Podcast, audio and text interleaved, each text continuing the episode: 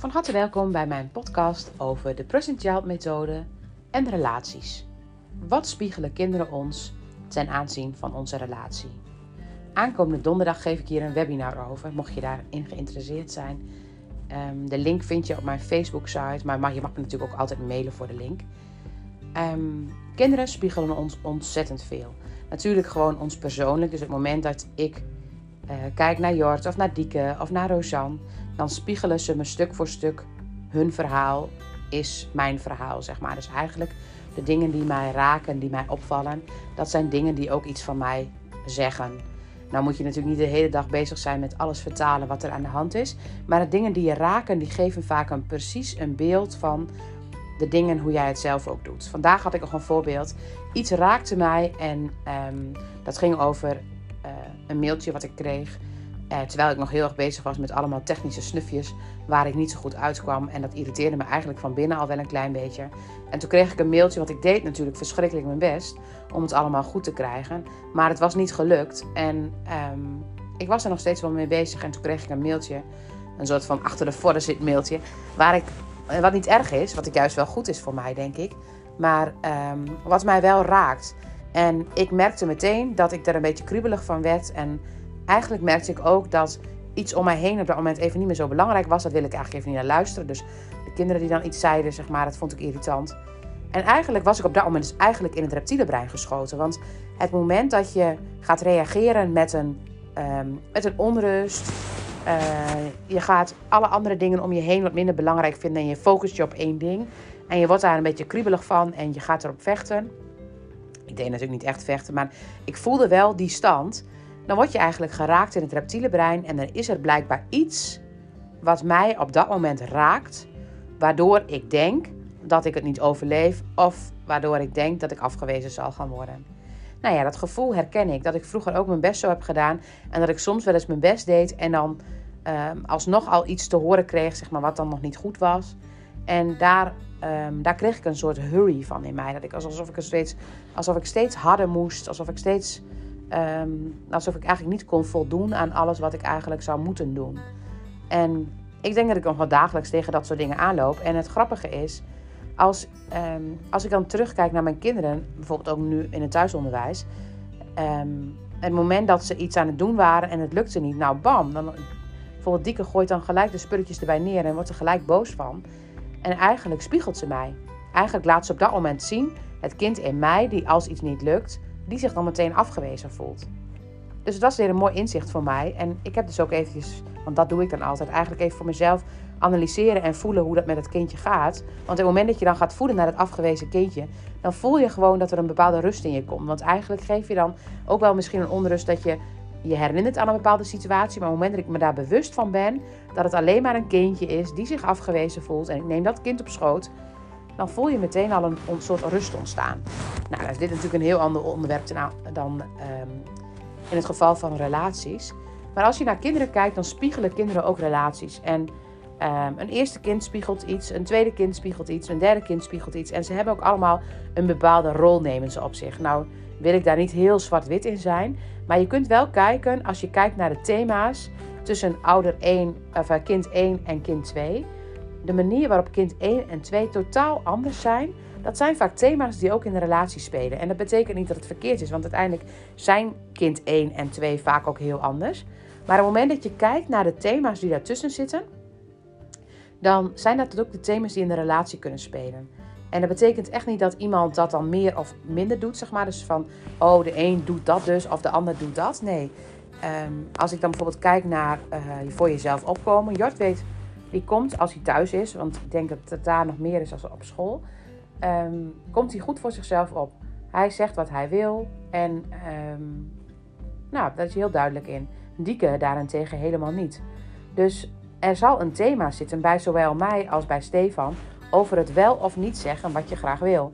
En um, ik zeg misschien best wel vaak wat ik wel wil, maar toch merk ik ook dat ik me soms nog wel eens inhoud in wat ik, wel, wat ik wil zeggen.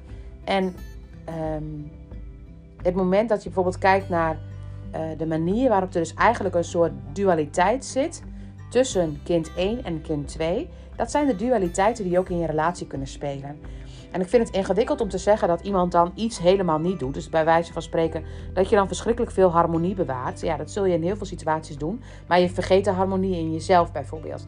Als je kijkt naar van uh, als je iets wil. Kijk, Dieke die bewaart heel veel harmonie. En Jort die, nou, die gaat daar gewoon voor. Die wil gewoon iets. En dan zal hij het op die manier gaan laten zien.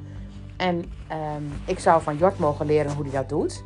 En um, ik zou aan Dieke mogen zien, zeg maar, mogen gaan kijken van... Als ik dan kijk hoe Dieke een bepaalde harmonie bewaart, dan probeer ik dat ook altijd te doen. Maar ik zie dat het ten koste van haarzelf gaat. Dus dat zal soms ook ten koste van mijzelf gaan.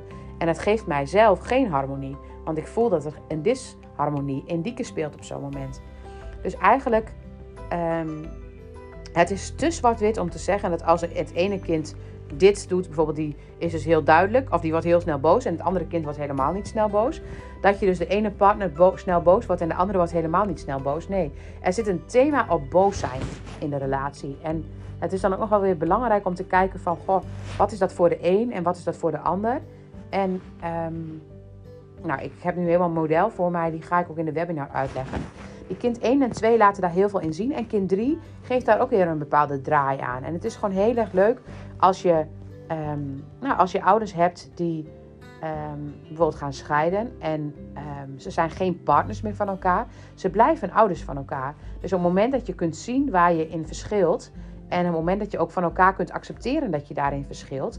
En als je van elkaar ook kunt zien dat je daar bepaalde overtuigingen hebt. Want je hebt nooit een dualiteit zonder overtuigingen. Er zijn bepaalde overtuigingen geweest dat je nooit boos zou mogen worden. Maar dat is dan iets in mezelf. Als ik dan denk dat ik nooit boos zou mogen worden, dan is het belangrijk om in mezelf na te gaan van hoe komt het dan, wat, waar ben ik bang voor als ik boos word. En dat is dan mijn thema. En uh, stel je voor, ik zou dan een hele boze partner hebben, dan mag ik eerst eens bij mijn eigen thema gaan zoeken, waardoor de boosheid van mijn partner veel kleiner gaat worden. Eigenlijk moet je voorstellen dat eigenlijk kinderen laten je zien waar je bepaalde delen in je systeem um, uit balans hebt. En bepaalde eigenschappen waar je geen aandacht aan besteedt, dat zijn geen eigenschappen die je automatisch niet hebt. Het zijn soms ook eigenschappen die je um, niet hebt omdat je bang bent voor ze. Dus stel je voor, ik zou nooit boos zijn, dan kan het zijn dat ik ontzettend harmonisch persoon ben en dat ik dus alles in harmonie weet te bewaren en dat ik me altijd me aanpas. Net zolang tot ik daar helemaal gek van word en ik dus eigenlijk iedereen die om mij heen um, mij uit mijn, uh, mij boos maakt, bij wijze van spreken, wel iets mee zou willen doen. Maar wat heb ik dan te leren? Moet ik dan die mensen bij mij wegduwen die mij boos maken? Of mag ik in mezelf ontdekken welk deel in mij geraakt wordt als er um, een boosheid is? Want waarschijnlijk is er een deel in mij, een kindje in mij die niet tegen die boosheid kan. En omdat, jij dat, omdat ik dat kindje dan in mij heb, Daardoor vind ik het lastig als iemand anders boos wordt, waardoor je daar een thema gaat krijgen. Kinderen spiegelen dat perfect. Dus als je kijkt naar um, je kinderen en um, je kijkt naar de verschillen tussen het eerste kind en het tweede kind, dan zie je daar bepaalde aspecten in. En als je kijkt naar het derde kind, zie je daar ook weer bepaalde aspecten in. Ook een vierde kind laat weer dingen zien. Maar als je gaat, kunt zien waar je tegenaan loopt bij je kinderen, dan kun je vaak ook ontdekken waar je tegenaan loopt bij je uh, in de relatie. En als je dat lastig vindt om op die manier te zien, zou je ook kunnen kijken van, goh, weet je, als ik dan mijn partner zie, welke dingen van mijn partner vind ik ingewikkeld? Nou, ik kan bijvoorbeeld, um, ik ben denk ik van mezelf heel uh, onrustig, heel ambitieus. Ik ben altijd iets aan het doen. En uh, Stefan heeft dat veel minder. Die is wat rustiger. Nou, die kan ook echt een hele poze niks doen. En die kan, heeft soms ook echt in mijn ogen heel weinig doel. Maar het is allemaal in mijn ogen, daarom benoem ik het ook. En uh, misschien ben ik wel bang om geen doel te hebben. Misschien ben ik wel bang om rust te nemen. En hoe, um, hoe bizar, maar als je dan ergens ruzie over maakt, dan maak je ruzie over datgene wat ik niet doe. Maar dat betekent niet dat ik het goed doe. Hetgeen wat ik niet doe, dat mag ik eens gaan onderzoeken. Waarom doe ik dat niet? Wat is dan bij mij de drijfveer om dat niet te doen? Want waarschijnlijk zit daar een kindsdeel onder die ooit daarmee een afwijzing heeft ervaren. En dan wil ik bij mijn partner zo graag dat hij wellicht van alles doet. En dat hij ook in actie komt. Of dat hij doelen in zijn leven neerzet. Maar zijn dat dan, um, zijn dat, is dat dan van hem? Of is dat dan van mij? En ik denk van mij. Nou, in de webinar aankomende donderdagavond ga ik hier nog veel meer over uitleggen. Ik kan me ook voorstellen dat als ik hier een podcast over opneem, dat je echt denkt dat mijn hoofd ontploft. Want uh, ik zie een model voor mij die ik zeker ga delen in de webinar. En bij die webinar is er ook een presentatie die je gewoon na afloop nog na kunt lezen. Nou, hopelijk heb ik je geïnspireerd en kijk je naar je kinderen met andere ogen. En wellicht kijk je ook naar je partner met andere ogen. Schrijf alleen maar eens op als opdrachtje voor vandaag. Welke dingen vind je wel eens lastig bij je partner? En kijk eens of dat dingen zijn die je bij jezelf probeert weg te stoppen. Nou, tot de volgende podcast.